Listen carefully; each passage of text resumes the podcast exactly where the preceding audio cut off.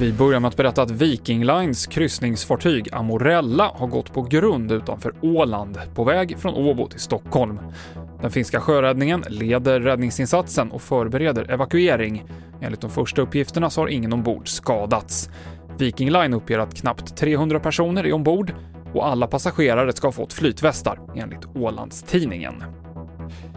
I Italien så hålls idag folkomröstning över hela landet. Pandemin innebär att en del valarbetare har backat ur i sista stund eftersom väljarna ska ta av sig munskyddet i samband med identifiering. Folkomröstningen handlar om att minska antalet ledamöter i parlamentet. Och i England fortsätter antalet coronasmittade stiga och nu höjs bötesbeloppet för den som bryter mot karantänsreglerna till motsvarande 110 000 kronor.